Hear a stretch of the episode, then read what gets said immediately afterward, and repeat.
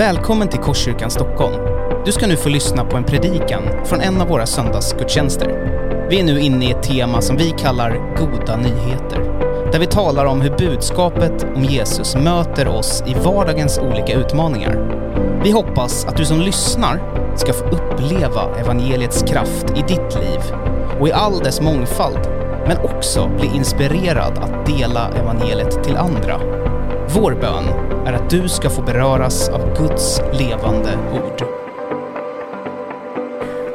Precis, vi är inne i ett tema här i församlingen som eh, vi kallar för goda nyheter. Och jag tycker det är ganska spännande för att det verkar som att det är flera andra som också har det här som sitt tema just nu. Vi ska titta på en bild, till exempel Pressbyrån. De släpper bara goda nyheter. IKEA, de har också goda nyheter.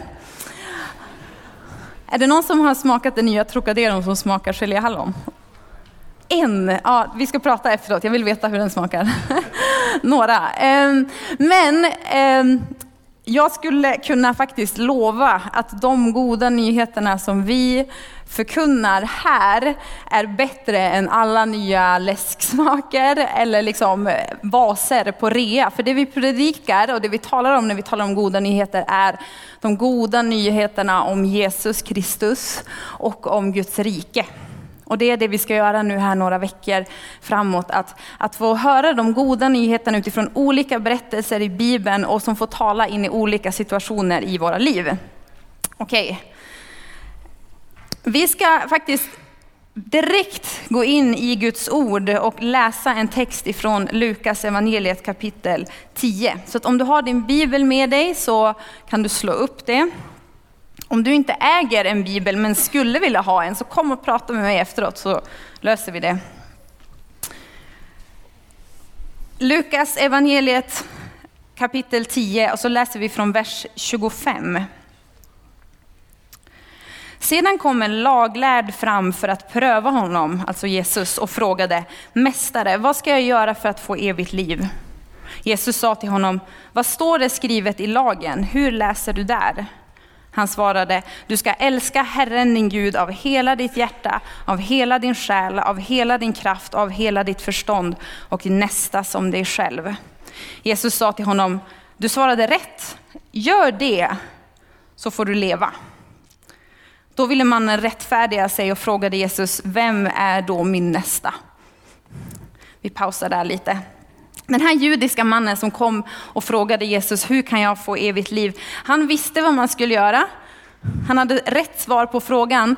Men Jesus svar är väldigt spännande här, för han säger i princip så här, ja, om du lyckas med det, då får du evigt liv. Om du lyckas i allt, genom hela ditt liv, genom alla dina tankar, genom alla dina beslut, genom alla dina val, genom allt av ditt hjärtas längtan, klarar av att älska Herren din Gud och din nästa som dig själv, då ska du få evigt liv. I princip säger han, det är omöjligt. Det är omöjligt.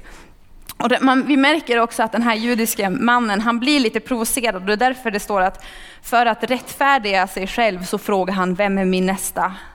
Alltså han försökte så här, för han trodde nog, som många tänkte och så många av oss och i vår värld kanske tänker att nej, men jag, är en ganska, jag är en ganska bra person. Jag är ganska god, jag är ganska liksom, reko och snäll och sådär. Så han tänkte, och då så att, ja, men okej, vem är då min nästa? För han tänkte att ja, men jag är ganska snäll mot ganska många.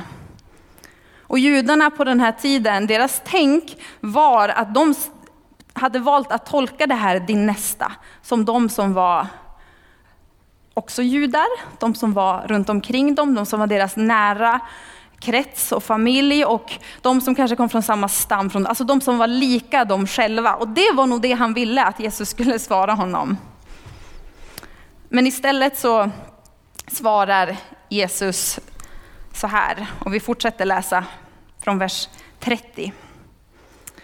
Jesus svarade, en man var på väg från Jerusalem ner till Jeriko och råkade ut för rövare. De slet av honom kläderna och misshandlade honom och sedan försvann de och lämnade honom där halvdöd. En präst råkade komma ner samma väg och när han fick se mannen så gick han förbi. På samma sätt var det med en levit. Han kom till platsen, såg mannen och gick förbi. Men en samarier som var på resa kom också dit. Och när han såg mannen förbarmade sig han över honom. Han gick fram och hällde olja och vin i hans sår och förband dem. Sedan lyfte han upp honom på sin åsna, tog honom till ett värdshus och skötte om honom. Nästa dag tog han fram två denarer, alltså pengar, och gav till värdshusvärden och sa sköt om honom och kostar det mer så ska jag betala när jag kommer tillbaka. Vem av dessa tre tycker du var en nästa för mannen som råkade ut för rövare? Och han svarade, den som visade barmhärtighet mot honom. Då sa Jesus till honom, gå du och gör som han. Gå du och gör som han. Samarierna, de var ett, ett blandfolk, de var ett folk som judarna inte tyckte om. De gjorde allt för att inte behöva beblanda sig med dem. Så man kan bara tänka sig hur det kliade i öronen på den här juden när Jesus målar upp den här samarien som en förebild. Som en målbild för vad det betyder att, att älska sin nästa. Och den här liknelsen oh, den är otroligt rik på så här symbolik och alla grejer. Vi ska inte gå in på allt, men jag tror att det finns några saker här som Gud vill visa för oss och som han vill kanske också utmana oss med idag. Och den första saken vi ska titta på det är den här mannen som blir slagen, som blir utsatt för de här rövarna. Mannen i den här berättelsen, han är en representation av människan av dig och mig, av liksom humankind. En del av oss, en del människor kanske faktiskt fysiskt, liksom på riktigt, bokstavligt talat har blivit utsatta för misshandel och rövare och att blivit liksom vanhedrad och eh, så. Men för de flesta så är det som Jesus målar upp här ett andligt tillstånd. Att människan är i ett andligt tillstånd att vara liksom slagen och liksom under skam och i behov av hjälp. Det är det som Bibeln lär och vi ska gå in lite mer på det. Vi läste tidigare hur Jesus i princip sa att ingen klarar av att nå upp till den liksom perfekta standard som skulle behövas för att komma till Gud. Ingen klarar det. Och i Romarbrevet så står det att alla har syndat och saknar härligheten från Gud.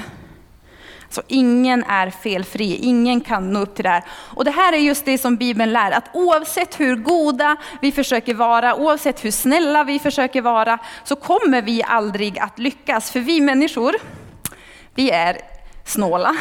Vi tappar tålamodet, vi tänker dumma tankar om varandra, vi kanske till och med har liksom agerat mot andra människor på sätt som är orätt.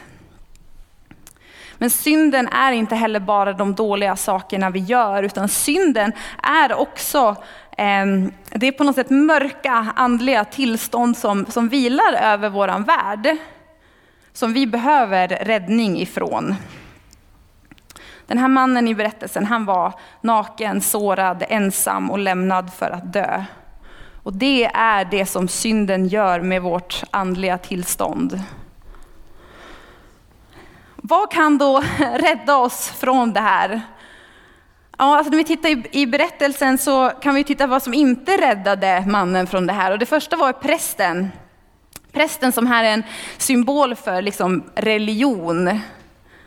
Som religion, ni vet bara det här liksom att, att försöka göra rätt, att bara tänka att man eh, ska vara som Gud i sin egen kraft, att säga rätt saker, ha på sig rätt kläder.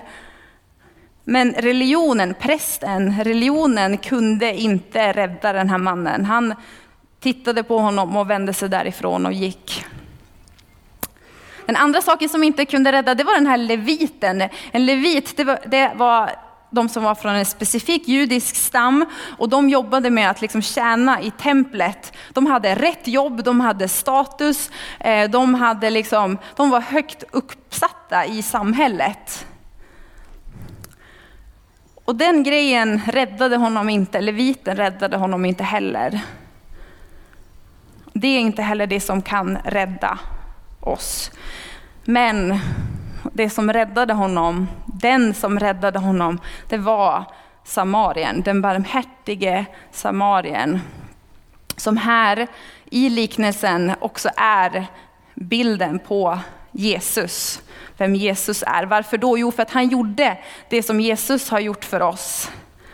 Han liksom steg ner, han eh, förbarmade sig, han tog av sina resurser, han helade hans sår, han lyfte upp honom ur liksom smutsen, han räddade honom, han tog honom till en trygg plats och han betalade priset för att han skulle få leva. Det är den Jesus är. Och det är det som kan rädda oss. Och det här är goda nyheter. Det här är det som är goda nyheter. Att Jesus, han vill rädda oss, han har räddat oss och han kan göra det som inte vi kan göra själva. För om vi läser resten, lite till av det, den vers i Romarbrevet som jag citerade, Romarbrevet 3, 23-24. Då står det så här, alla har syndat och saknar härligheten från Gud. Och de förklaras rättfärdiga som en gåva av hans nåd. Därför att de är friköpta av Jesus. Gudfadern han sände Jesus till den här världen som dog för oss eh, och tog priset för oss och han ger det som en gåva. Men vi behöver bestämma oss om vi vill ta emot den här gåvan. Han kommer liksom inte tränga sig på, men, men han har gjort allt för att vi ska göra det. Vi behöver bestämma oss. Tror jag på Jesus? Vill jag låta honom rädda mig? Vill jag att mitt liv ska få tillhöra honom? Att han får hela mig, upprätta mig och att mitt liv får bli liksom till hans ära. Om inte du har bestämt dig för det ännu så är det en jätte, jättebra dag för dig idag. Och vi kommer tillbaka till det. Men vad var det Pressbyrån sa? Bara goda nyheter. Nu har jag lite obekväma nyheter. För att det stannar ju inte där. För att när vi bestämmer oss att följa Jesus så är det ju faktiskt inte så att vi bara ska liksom att vi har det på det torra, eller jo det har vi ju, men, men det är inte som att det är bara det som är tanken för våra liv, att vi bara ska chilla där på det här all inclusive värdshuset och vänta på att han kommer tillbaka. Det är inte det det handlar om, utan det Jesus kallar oss till, vi som följer honom, bekänner oss till honom, kallar oss för kristna, så kallar han oss med samma ord som han sa till den här judiska mannen som frågade honom att gå du och gör som han. Så gå du och gör som den barmhärtige samarien. Att om du vill vara som mig, som Jesus, så behöver du också göra som mig. Och det här är lite obekväma liksom, nyheter, för att det är inte bara här då som att Jesus säger att vi ska typ vara snälla mot dem som är snälla mot oss, utan han utmanar till att vi är kallade att ge av vårat, våran tid, våra pengar, våra resurser, våran eh, liksom, empati, allting för att hjälpa andra människor. För att stanna upp i det vi håller på med för att det är någon som behöver våran hjälp. Och jag kan se i mitt eget liv och kanske hos andra, men jag vet inte om ni känner igen det, men det är så lätt att vi ändå, vi har bestämt oss att följa Jesus, att vi ändå blir lite som de här liksom prästen och leviten. Alltså jag tror att det finns en frestelse för oss där, att vi drar åt de här hållen ändå. Att vi bara, ah, ja men eh, jag, jag känner Gud, jag eh, känner mig bekväm i kyrkan, jag, eh, kan, jag känner igen mig i det här, jag kan rätta orden, jag vet hur man ska bete sig. Men sen när det liksom väl kommer till kritan och någon behöver att jag steppar in så är frestelsen av att på något sätt vika av. Eller som den här leviten, här finns det också en frestelse att våra tänk blir att vi istället på något sätt, okej okay, vi, vi känner Jesus, men ändå så, så ligger mitt fokus på mitt jobb, min status, att liksom eh, vara ansedd och de här sakerna. Och det här tror jag Gud liksom vill utmana oss i, eh, att inte nöja oss med det här. För det han kallar oss till är liksom radikal kärlek till andra människor. För Jesu budskap var, är samma då som det är idag. Att På samma sätt som idag så var det då uppdragna gränser mellan folk. De hatade varandra, de krigade mot varandra, de ville inte beblanda sig med varandra och vi ser det mer och mer och mer också i våran tid idag. Till och med i Sverige Alltså hur, hur det blir liksom gränsdragningar mellan människor med olika politiska eh, agendor kanske, mot, mellan olika etniciteter, olika liksom, socioekonomisk status, olika hudfärg, massa olika saker. Och det som är är också att vi ser, vi är i en tid där de här sakerna också på något sätt polariseras ännu mer. Men de goda nyheterna är att i Guds rike, där bryts de murarna ner. Jesus visar gång på gång i evangelierna att det här bryr han sig inte om. Utan han går gång på gång över liksom, sociala gränser. Han, han gick till de marginaliserade. Han hade vänner som var kvinnor. Han åt med prostituerade. Han umgicks med dem som alla andra såg ner på. Det är den guden vi tillhör. Så att även om gränser i vår i våran värld liksom reser sig upp mellan människor. Så när vi tillhör Jesus så är vi kallade att gå över sådana typer av gränser. För i Guds rike så handlar det bara om, om honom. Det handlar om kärlek, det handlar om att älska andra.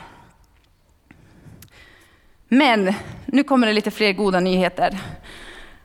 Det som är härligt och fantastiskt är att vi både inte kan eller ska eller behöver göra det i egen kraft. För det vet vi redan, det har vi etablerat. Vi kan inte göra det här i vår egen kraft, utan vi är i desperat behov av Faderns kärlek till våra medmänniskor. Faderns kärlek till de som är runt omkring oss. Och vi kan både bestämma oss att här, jag vill vara en sån som älskar andra, men vi kan också be Gud att han skulle ge oss det vi behöver för att älska andra radikalt.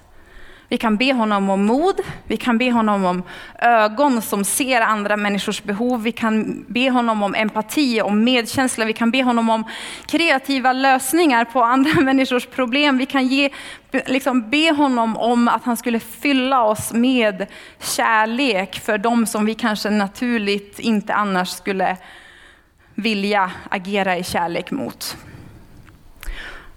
Och han svarar på sådana böner det är eh, det gläder honom. Och jag skulle vilja bara berätta ett kort vittnesbörd, eller en kort story från, från mitt eget liv om hur Gud svarar på en sån bön. Så eh, förra året ungefär, så började jag började märka hos mig själv att jag, mitt hjärta var eh, hårt. Mitt hjärta var liksom kallt mot andra. Jag såg människors behov och jag bara, jag bryr mig inte. Ja, jag orkar inte, jag vill inte. Och jag märkte det här och jag bara, men det här är ju inte, så här är ju inte min Gud, så då vill inte jag vara så. Så jag började be Gud, jag sa så här, men att snälla ge mig en ny, förnyad kärlek till dem runt omkring mig. Snälla ge mig, liksom, visa mig hur du ser på människor så att jag kan älska andra människor väl. Och så en dag så satt jag på tunnelbanan, ni vet det var så här proppfullt med folk på tunnelbanan. Och att man bara, åh varför är alla här? och jag satt och lyssnade på liksom tung svensk rap i mina hörlurar, för det var en sån dag. Um, och så mitt i det där så kommer Guds närvaro på tunnelbanan. Alltså det, känd, det kändes som att, här, som att Jesus hade liksom klivit in i den här vagnen. Och på ett ögonblick så var det som att mina ögon bara såg människor med Guds kärlek. Så jag, började, jag bara satt där och grät. Och grät och grät och grät. Och lyssnade på rap. Eh, och jag fick se människor, liksom, det var som att jag fick se hur mycket Fadern älskar dem, varenda en av dem. Och samtidigt en djup sorg i mig att det är så många. Det var så många på den där tunnelbanevagnen som inte känner Jesus. Och det är så många i vår stad och i vårt land som inte känner Jesus. Så vi kan be Gud också om, inte för att vi egentligen behöver känna det i våra känslor, men, men han gensvarar när vi ber honom att, om allt möjligt, men särskilt när vi ber om, om hjälp att få älska våra nästa, eftersom att det är också i linje med, med det han kallar oss till.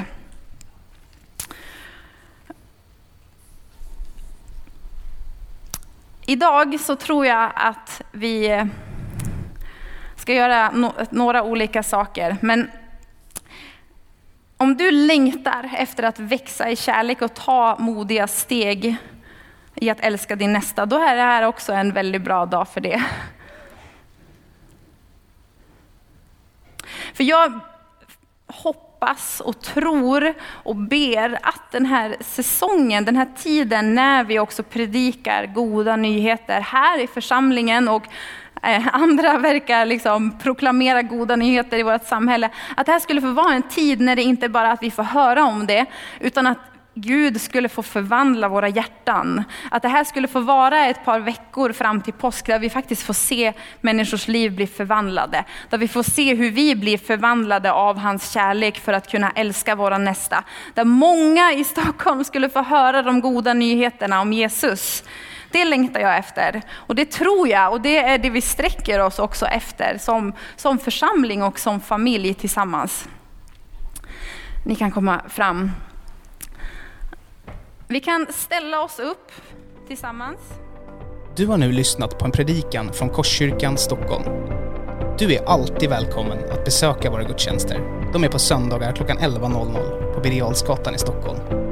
Om den här predikan har väckt frågor eller om du önskar att få kontakt med oss så hittar du våra uppgifter på korskyrkanstockholm.se. Där kan du också läsa mer om vår verksamhet. Gud välsigne dig.